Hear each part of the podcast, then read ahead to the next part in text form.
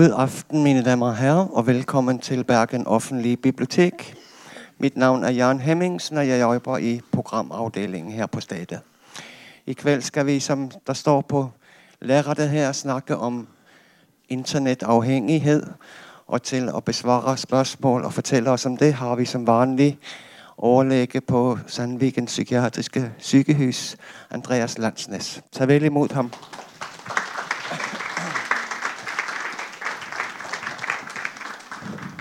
Takk. Skal vi se, denne virker. Ja.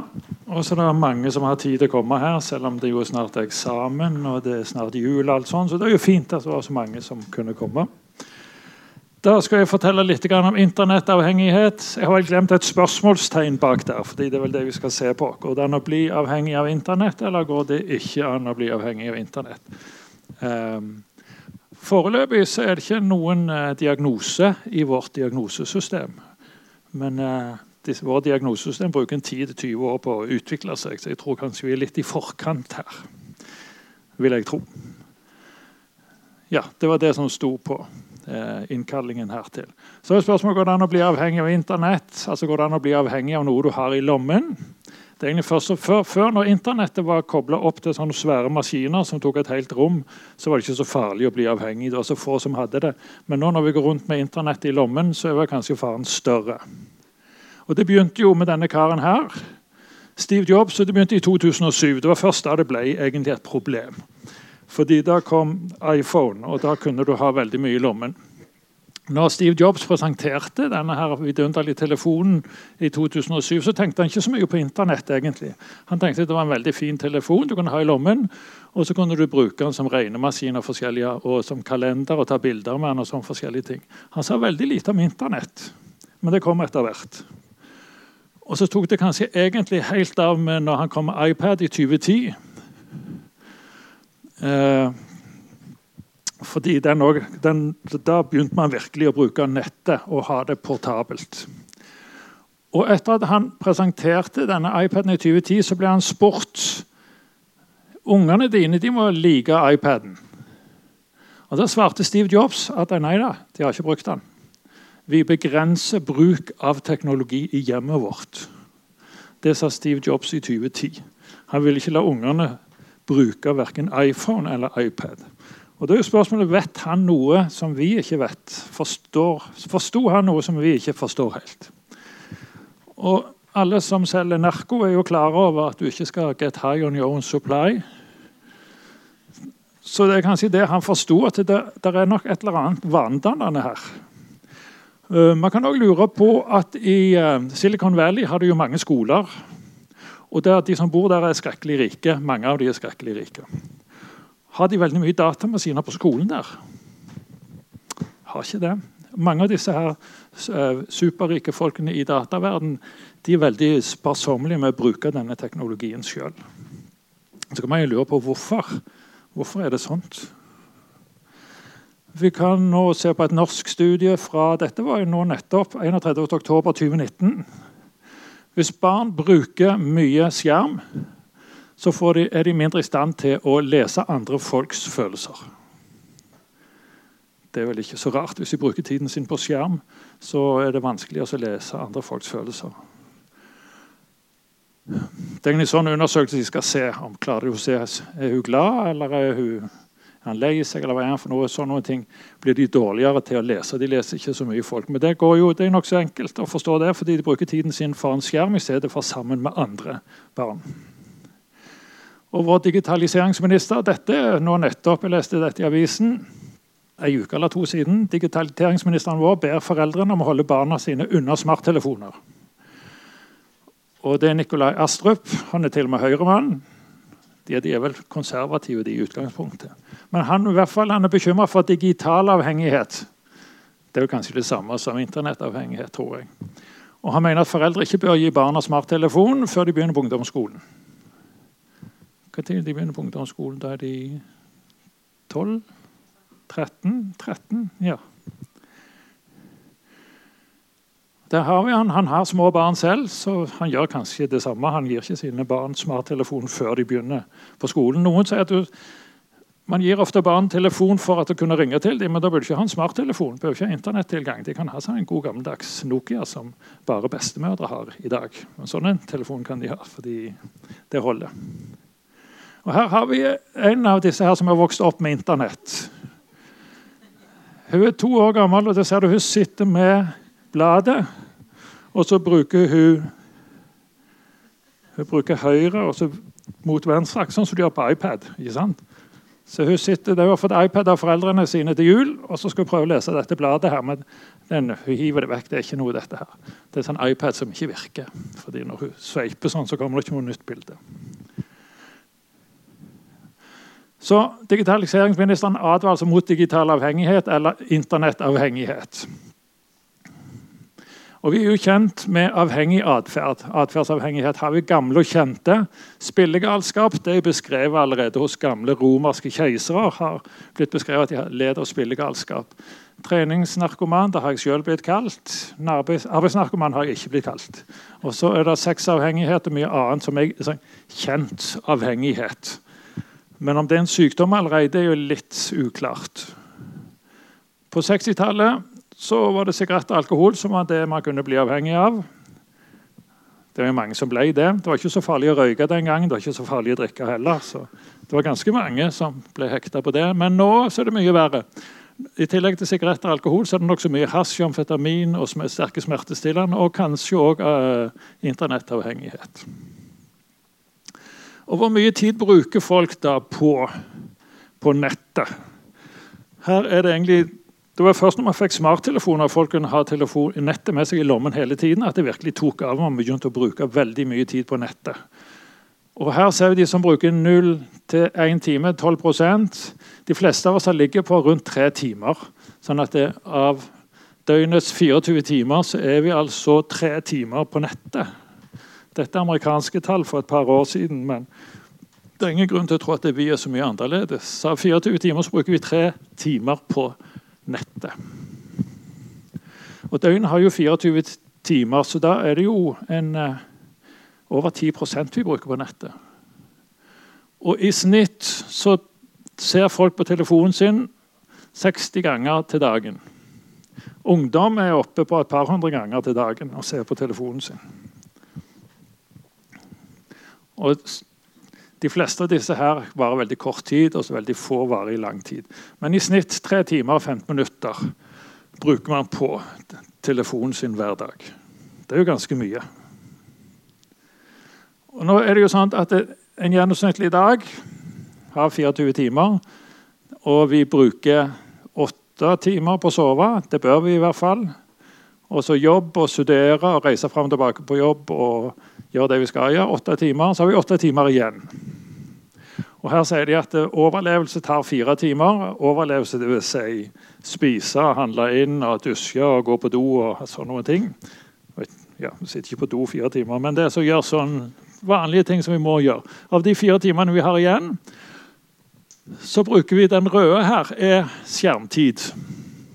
I 2007 så brukte man så knapt to timer på skjermtid, og så økte det på. og Nå er vi oppe på over tre timer. Så nå bruker vi nesten har vi bare den lille der igjen til å gjøre andre ting. De har snakket om tidsklemmen, har de ikke det?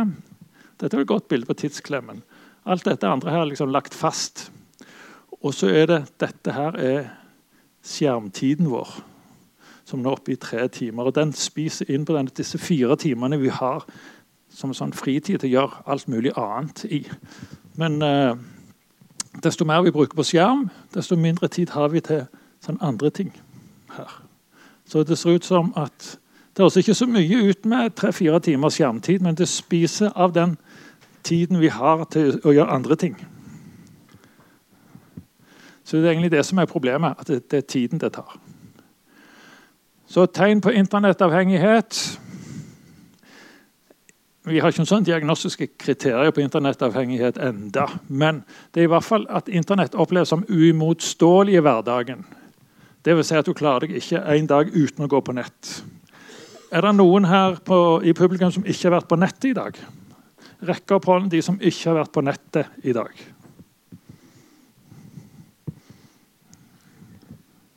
Det var ikke mange. Og Hvis dere så har en sånn helt uimotståelig trang til å gå på nettet, at dere ikke klarer å la være med å gå på nettet Hvis dere bestemmer dere for at dere i morgen skal dere ikke gå på nettet, så kan det være at dere har litt problem. Men det er i hvert fall en umotståelig trang. Og du er på nettet lenger enn du har planlagt. Du sier du skal logge av om ti minutter, men blir sittende i timevis. Jeg har en sønn på 16 år som jeg går inn og tar greiene fra klokken ni om kvelden. og det er alltid, Han har alltid brukt for ti minutter lenger. Han leverer aldri ti minutter før tiden. Men han har brukt for ti minutter lenger. Det er merkelig. Ja, og Du bruker så mye tid at det går utover forholdet, jobben eller andre viktige ting i livet ditt. Du forsøker å redusere bruk, men klarer ikke helt det. Du opplever stress eller opphisselse før du skrur på maskinen og belønnes med en følelse av tilfredsstillelse når du logger på. Og du klarer ikke helt å betale regninger for det du gjør på nettet. Dere behøver ikke oppfylle alle disse her for å ha et problem. Dette, man kan jo bruke de samme kriteriene på alkohol, for eksempel. Eller sigaretter, eller heroin, eller amfetamin eller alt mulig annet vanedannende. Så dette er i hvert fall tegn på internettavhengighet. Framstillingen her den hviler veldig mye på denne boken. her. 'Irresistible', som er skrevet av Adam Aalta. Han er professor i økonomi og psykologi på Harvard. Og han er opptatt av dette her, denne addictive technology, som han kaller det for. Den avhengighetsteknologien. Og de som, hva de gjør for oss å gjøre oss avhengige. Og 'irresistible' på norsk det blir uimotståelig. Og det er nettet som virker ganske uimotståelig for oss. Og så Vi har forskjellige spill World of Warcraft kanskje et av de spillene som har vært mest populært. 100 millioner brukere, og de som har lagd det, håver inn 10 milliarder i året. 100 millioner er på dette her nesten hele tiden. Dette er sånn spill du går inn, du får en person, avatar, er det ikke det det heter? Jeg har ikke veldig god peiling på dette, så jeg vil gjerne bli korrigert hvis jeg sier noe som er helt gale. Men i hvert fall, du går inn der og får, du blir en av disse personene som jobber sammen med andre, sånn du får en identitet. Og dette er sånn spill som aldri tar slutt. Du kan holde på med dette døgnet rundt. Det var en, en kar i Sør-Korea som døde fordi han kunne ikke gå på do engang. Så spennende var det. Og så var det en nordmann som døde her i fjor, tror jeg det var. Han hadde en alvorlig muskelsykdom, sånn at han var bundet til rullestol. Og når han døde, så syntes jo foreldrene det var veldig trist, men de visste jo om det fordi han hadde en alvorlig muskelsykdom. Men de trodde han var helt alene inne på rommet sitt. Men det var han ikke. Han var egentlig en sånn avatar. Han hadde massevis av venner over hele verden som kjente han og som eh, tok kontakt med foreldrene etter at han døde. Igjen så har jeg Tidligere så holdt min sønn opp på med noe lignende. Han satt på rommet sitt og ropte og skreik, skreik til folk som var langt vekke. Og Det var selvfølgelig litt skremmende, men det som var gøy, det var at han lærte seg engelsk i løpet av et år. Så snakket han veldig godt engelsk. Han har heldigvis slutta med det nå. Så skal vi se, Hva er det som skal til for å gjøre oss avhengige?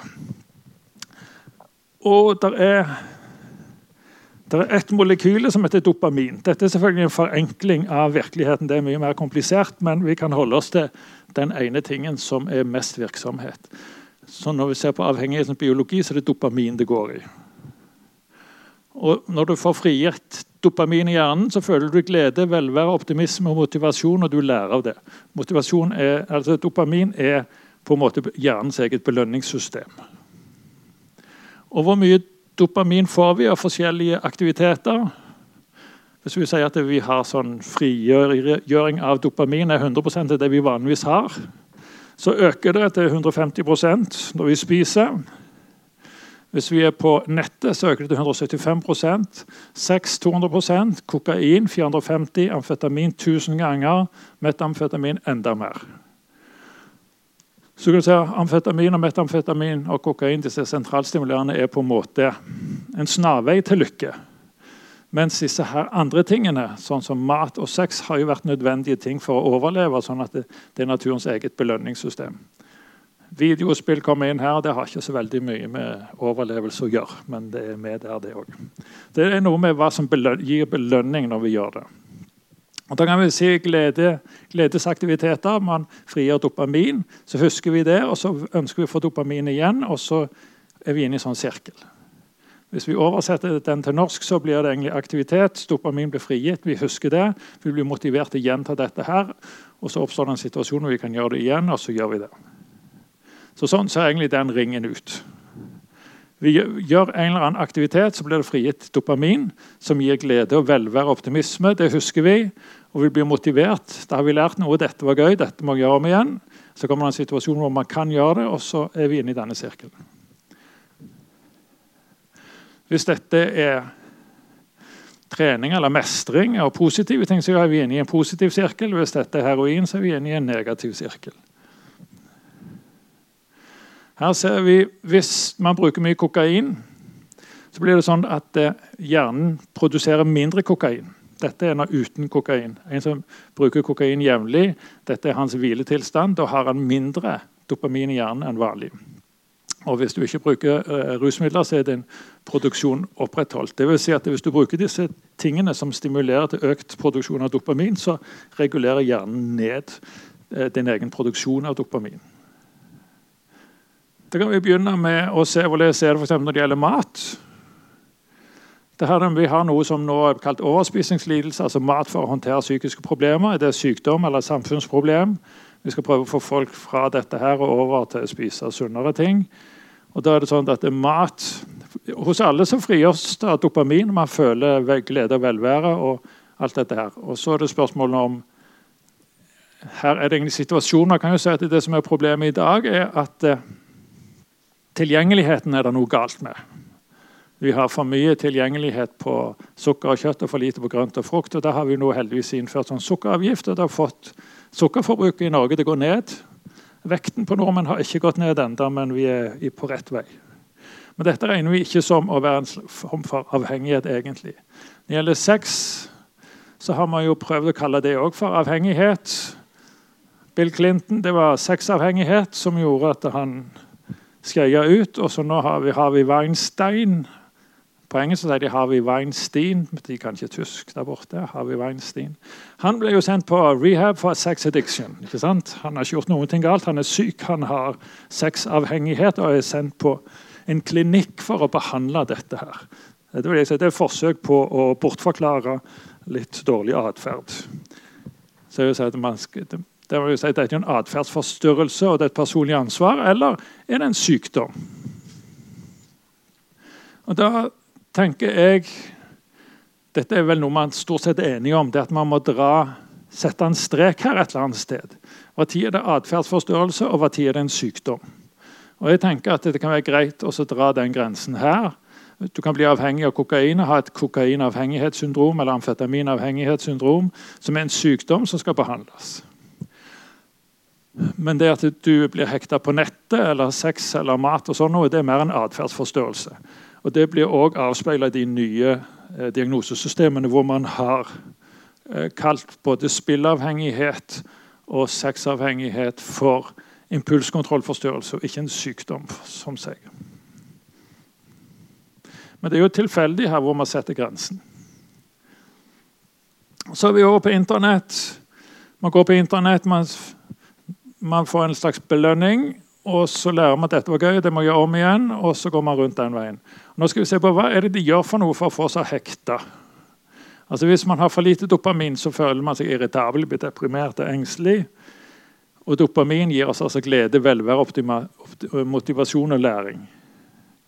Så seks, Her vil jeg gå gjennom seks måter som jeg vil påstå de som lager eh, programmer på internett, apper alt sånt, de bruker disse her bevisst. De lager internettet sånn at vi skal bli avhengig. Akkurat som eh, nikotinavhengighet ble pakka inn i sigaretter med og uten filter, og reklame for at dette var tøft og alt dette her. Men min påstand er at de som lager internett, spill og ting på nettet, de vil gjerne ha seg hekta på det. De vil gjerne at vi skal bli hekta. Og en måte å gjøre det på, Jeg skal gå gjennom seks forskjellige måter de bruker her. De bruker mer òg, og mange av disse går over i hverandre. Men i hvert fall skal jeg gå gjennom noen av disse måtene de bruker. En måte er å sette mål. Vi, vi har det nokså naturlig sånn at vi vil gjerne sette oss et mål. Og sånn ville egentlig maratontiden se ut på folk hvis de ikke hadde satt seg mål på forhånd. Hvis de alle løpte som passer fort og ikke hadde noe særlig mål, så skulle det sett sånt ut. Men det er ikke sånn det ser ut i virkeligheten. Man har gått igjennom tusenvis av folk som har løpt maraton, og sett hvordan det ser ut. Og det ser sånt ut. Disse har sagt seg som mål at de skal løpe på tre timer eller mindre. Og da ser det sånn ut. Disse skal løpe på tre og en halv time eller mindre. Disse her har satt seg mål de skal løpe på under fire timer. Jeg er der omtrent. Og så Jeg var der for lenge siden. Og så de som vil løpe på under fire og en halv time. Sånn ser det ut i virkeligheten. Dette er tusenvis av folk som har løpt maraton. De har satt seg et mål. Jeg skal løpe på under 3,5, jeg skal løpe på under 3, jeg skal løpe på under 4. Det er en sånn svakhet vi har. Så mange av disse spillene nei, ikke spillene, men også alle mulige slags ting på nettet hvor man kan lage, sette seg et mål som man prøver å holde. Og så skal vi prøve å sammenligne oss med andre, fordi vi har fått det for oss at vi skal være perfekte. Sånt var det ikke før. Perfeksjonisme, hvor ofte blir det nevnt i bøker? På 1800-tallet og 1900-tallet ble det nesten ikke nevnt i bøker. Men nå har det tatt helt av.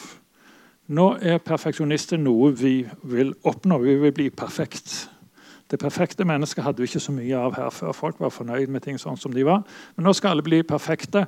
Og så har vi internettet. Vi kan sammenligne oss med hele verden. Det er jo fantastisk. Så hvis vi har dette med perfeksjonisme, og vi kan samtidig sammenligne oss med alle mennesker i hele verden, så er det kun én vinner av de syv milliardene på kloden. Det er kun én som kan være best. Så hvis du vil være perfekt, og du vil sammenligne det med mange andre, så er jo det oppskriften på å mislykkes. Og det er jo noe man holder på med i veldig, veldig stor grad. En annen ting er at vi har Folk får masse e-poster hele veien. Og igjen så vil folk gjerne være så effektive og gode som mulig, så de besvarer e-postene innen seks sekunder. Dette har man sett på i store firmaer og store organisasjoner. Hvor lang tid tar det fra folk får en e-post til de besvarer den? I snitt seks sekunder. Det er òg veldig merkelig. Har de ikke noe annet å gjøre på enn å besvare e-poster? Så nå er det sånn at Hvis du setter deg mål og sammenligner deg med andre, så vil du alltid tape. Så dette er en av de tingene som driver oss til å fortsette med disse tingene. Du har sånne forskjellige apper. Helseappene for så vidt greit, måler hvor mange skritt du tar, men så kan du alltid koble disse opp mot andre og sammenligne deg med andre. Og bedrifter og alt sånt har gjerne konkurranser. Denne her er også en automatisk skritteller som du har i lommen din hele veien. Så kan man lage konkurranser på jobben om hvem som går flest skritt. Da er det òg bare én som kan vinne. Så det er når man setter seg et mål, og så skal man sammenligne seg med andre. Det er massevis av eksempler på dette. Dette er bare det jeg har i telefonen min. Det er den samme. Og så kan du gå med sånn klokke på armen. Ikke sånn som dette som bare viser tiden, men sånn klokke som dette her. Fitbit det er det veldig mange som går med. Den måler hvor mange skritt du går, hvor fort hjertet ditt slår. Til og med hvor mye du sover om natten, hvor mye rem-søvn du får. alt sånt. Det, jeg har hatt sånne klokker på meg, jeg måtte bare legge den fra meg. Jeg ble helt nervøs av alt den målte.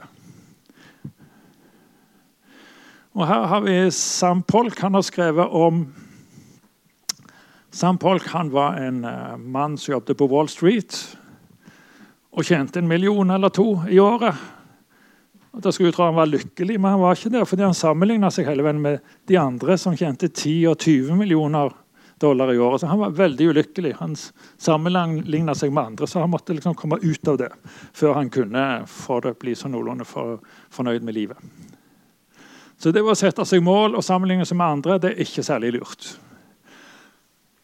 Feedback. Vi er veldig glad i å få feedback. Det kan. Og når det er sånn med feedback, så hvis vi får ros hver gang vi prøver på noe, så blir det kjedelig. Da slutter vi med det. Det er ikke noe. Og hvis vi aldri får ros, så slutter vi òg. Da blir det kjedelig. Så hva, er det som er mest effektivt? Med, med, å gi folk positiv tilbakemelding? Jo, du må ikke gjøre det hele veien. Du må gjøre det 50-70% av tiden. Jeg vet ikke om det fungerer overfor kjærester, og sånt, men de har gjort det overfor forsøksdyr. og sånt. At det beste er å ikke gi positiv tilbakemelding hver gang. Men det skal være litt uforutsigbart. Folk blir mye mer ivrige etter å holde på hvis eh, positive tilbakemeldinger er litt uforutsigbare. Dette prøvde de først ut på eh, sånn forskjellige dyr de hadde i bur. og Så kunne de trykke på en knapp, og så fikk de mat. Og Hvis de fikk mat hver gang, så var ikke det så gøy. Men hvis du reduserte det til at de fikk mat halvparten til 70% av tiden, så trykte de i ett sett.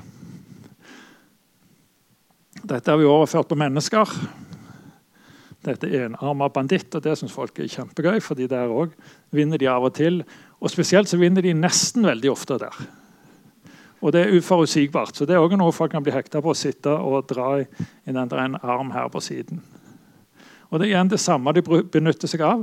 At feedbacken er utforutsigbar. Det er ikke hver gang. Det er ikke hver gang du gjør noe bra at du får positiv tilbakemelding. Det er uforutsigbart.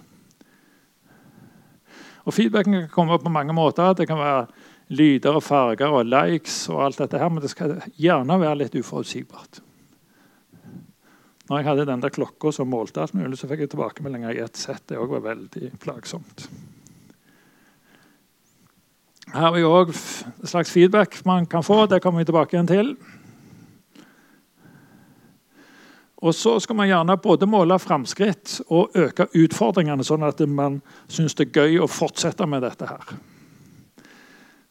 Og der snakker man ofte om Tetris-effekten. Tetris er et spill som kom på 90-tallet.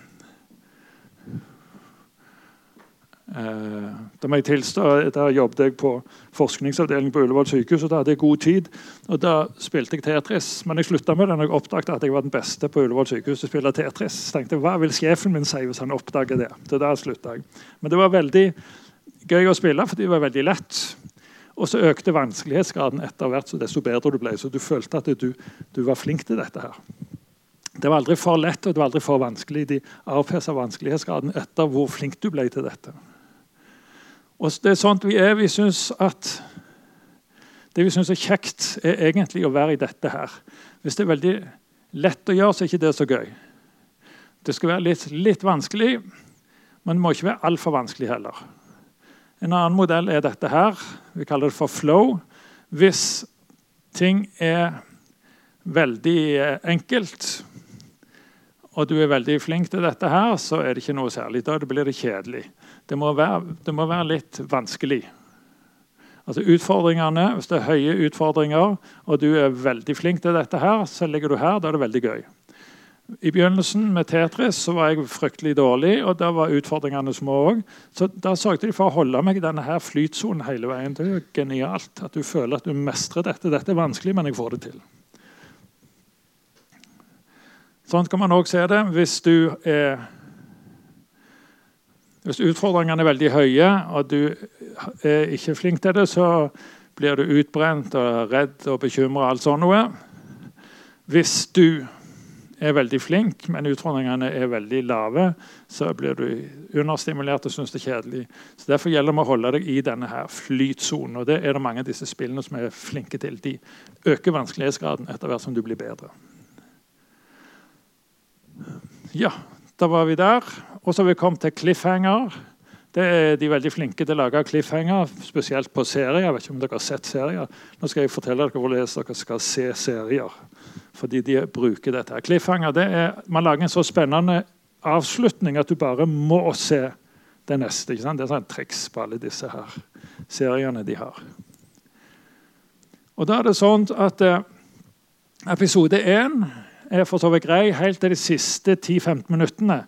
Da begynner de på noe som blir veldig spennende. Og så slutter de før du får vite hva det er for noe. Og så på episode to, som gjerne kommer først neste uke Du bare må se episode to fordi det slutter på sånn en uklar måte. Du må vite hva som skjer. Og I løpet av de første 10-15 minuttene av episode to så blir det avklart. Det som eh, var avslutningen på den forrige. Og så er det forholdsvis kjedelig en halvtime her. Det skjer ikke så mye. Og så er det de siste 10-15 minuttene. Da bygger de igjen opp til en ny sånn en spennende avslutning. Sånn at eh, du bare må se neste episode. Og Da må du vente hele uka før neste episode kommer. og så gjentar det samme seg sånn. Jeg vet ikke om dere har gjennomskua dette her for lenge siden. at sånt er det. I hvert fall mange lager dette her. Så det dere skal gjøre, det er at dere skal se episode 1 ikke ferdig. Se den til det er en 10-15 minutter igjen. Slutt å se den der. Og så, når det kommer neste uke, så ser du de siste 10-15 minuttene av episode 1 sammen med episode 2, men du slutter Siste kvarteret av episode 2 kutter du ut. Det skal du ikke se. Og Så venter du til episode 3 kommer. Da tar du siste bolken der og ser den. Da har vi gjennomskua det.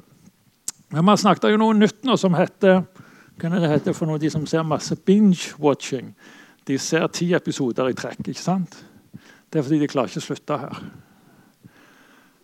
Du kan eventuelt gjøre det sånn som dette her. altså Hvis du går inn på en serie som du har, som ligger på nettet, hvor mange episoder ligger tilgjengelige, så kan du se episode 1, og så kan du se første 15 minuttene av episode 2. Og så tar du pause. Og så kan du se episode 2 og ta med de første 15 minuttene av episode 3 òg. Fordi da blir denne, dette cliffhangerne der. Her slutter det veldig spennende, og så blir det avklart her. Ble han drept, ble han ikke drept, eller hvem var det, osv. Så, videre. så det er et råd for at dere skal unngå cliffhanger-effekten. Dette er de lagt bare for å lure dere, og det er spesielt Netflix som er flink på dette. her, Som gjør at folk ser serier ikke klarer å stanse. De ser de en etter, de ser episode etter episode. De ser mange etter hverandre. Så da skal dere ikke se det sånt. Dere skal se det enten sånt Kutt ut siste 15 minuttene, eller dere skal se det sånn at dere ser første 15 minuttene av den andre episoden. Så nå vet dere hvordan dere skal unngå å bli lurt i disse avslutningene. Og så er det sosiale tilbakemeldinger.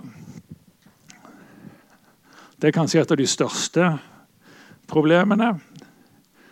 Sosiale tilbakemeldinger. Vi liker å, sammenligne oss med andre.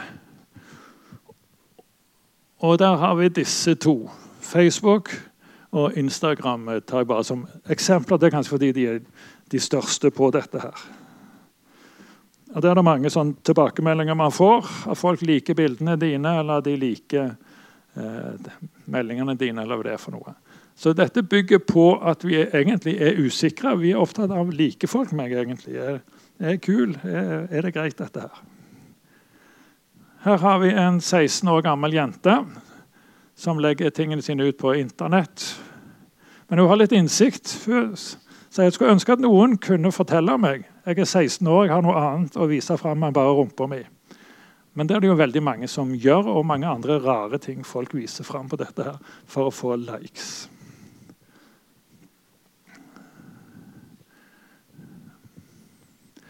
Og så har vi òg eh, Facebook. Facebook er verdt fem norske statsbudsjett. Dvs. Si 5000 milliarder norske kroner. Og hvorfor i alle dager er Facebook verdt så mye penger? Det er jo gratis å bruke Facebook. Og det de sier, de som har greie på dette, er at eh, når tjenesten er gratis, så er det du som er varen. Jeg vet ikke om dere forstår det, men eh, det som Facebook lever av, er å selge informasjon om dere. Det er det de lever av. De samler inn en masse informasjon og selger det videre. De verste er jo ikke Facebook, det er jo Google som er de verste. Hver eneste søk du søker på Google, blir lagra for all evighet. Det er Google som eier det. Og nå er det egentlig noe man vil kalle for overvåkningskapitalisme. Dvs. Si at man selger de opplysningene man får av deg på Facebook. Folk har vært ute på, på Facebook og har samtaler med venner, og sånt, og så får de tilbud om varer basert på samtaler de har hatt med andre. Så Du blir veldig grundig overvåka her. Så Hvis du er paranoid, så bør du finne på noe annet. Der fins en Facebook-konto som bærer mitt navn, men jeg har aldri vært på Facebook. Så det er ekstremt mye fake eh, ting på Facebook. Minst 5% av de som er ute, er fake. Minst. Og så er det spørsmål ja, Sasha Baron Cohen sier at eh, Facebook ville tillatt Hitler snakke fritt. og det er for så vidt riktig. Jeg tar bare denne med som et eksempel på at Facebook er også med å bygge opp under ekstremisme. Altså at Man kan mene hva man vil på Facebook i forskjellige grupper eh, og si ting som man ellers ikke ville sagt. Sånn at eh, Det er veldig antidemokratisk eh, eh, sak, dette her med Facebook. og nett i det hele tatt. Ikke bare Facebook, det er mange andre ting på nettet hvor man har lukka grupper hvor man kan si og mene hva man vil. Altså, Det er seks måter å gjøre oss avhengige på, eller gjøre oss mer og mer hekta. Det ene er å sette mål og sammenligne oss med andre. Andre er at feedbacken skal være uforutsigbart. Og så skal det være målbare eh, framskritt, og gjerne sammenligne med andre. Så skal vi øke utfordringene, sånn at vi har en følelse av flyt hele tiden. Cliffhanger gjelder jo stort sett serier, og sosiale tilbakemeldinger som likes det synes vi blir folk veldig fort hekta på, fordi vi er usikre og gjerne vil bli likt av andre.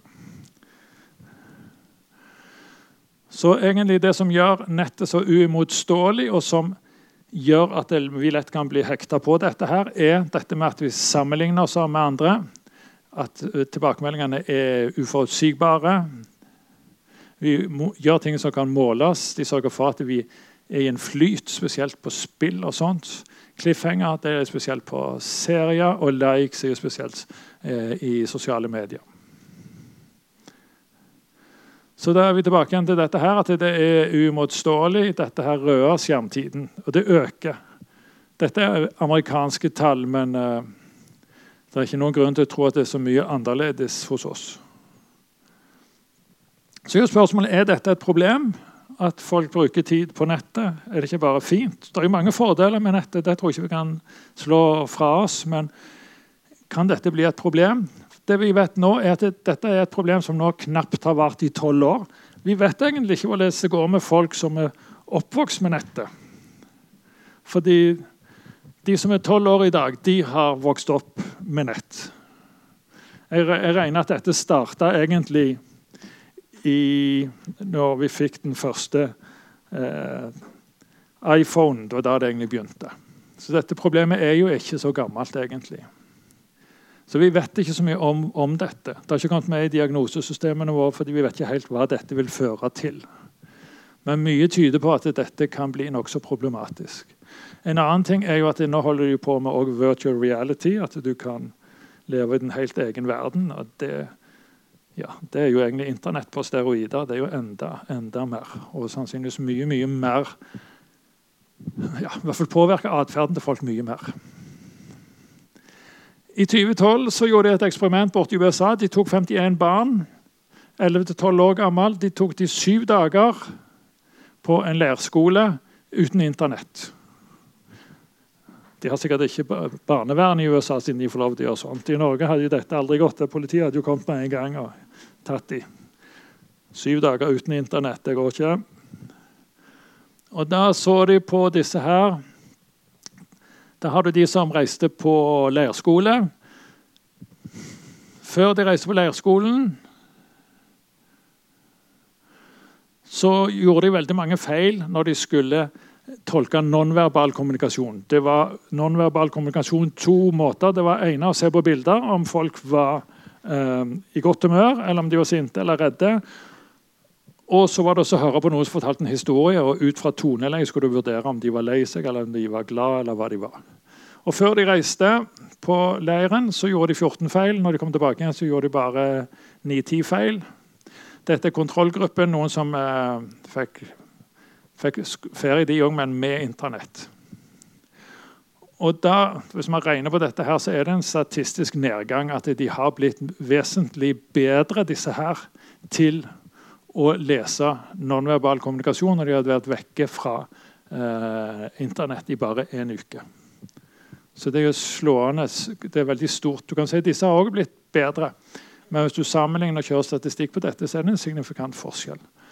Sånn at det bare å være uten nettet i en uke gjorde jo at disse måtte være sammen med barn på sin egen alder og kommunisere med dem direkte i mye større grad enn det disse her gjorde. Og de ble vesentlig bedre til nonverbal kommunikasjon. Det er nokså skremmende hva bare én uke kan gjøre. Så da er vi framme med nesten med avslutningen her. 30 folk av befolkningen har en viss internettavhengighet. Og Det regner vi som en atferdsavhengighet. Vi regner det ikke som en sykdom foreløpig. Vi regner det som en impulskontrollforstyrrelse, at folk har problemer med å disponere tiden. og sånn. Så vi regner det er en atferdsavhengighet. Det ser sånn ut. Og vi kan bytte, Dere har kanskje vært her før når jeg har snakket om kognitiv terapi. Så kan vi bytte disse her Internett ut med en handling, noe vi gjør.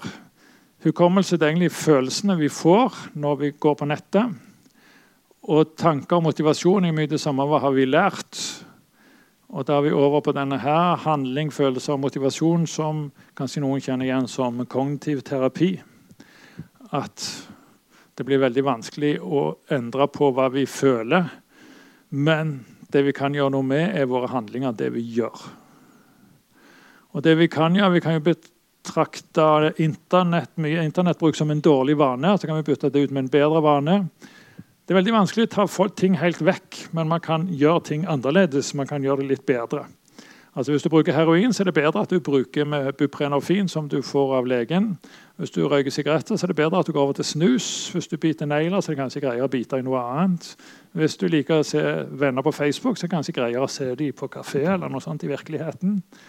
Hvis du har telefonen din alltid tilgjengelig, alltid i lommen, eller noe sånt, så kan du prøve å ha pause fra telefonen litt av og til. Jeg har lagt min borte der. Jeg er litt engstelig, kjenner jeg. Jeg har den ikke i lommen, men jeg har lagt den helt der borte.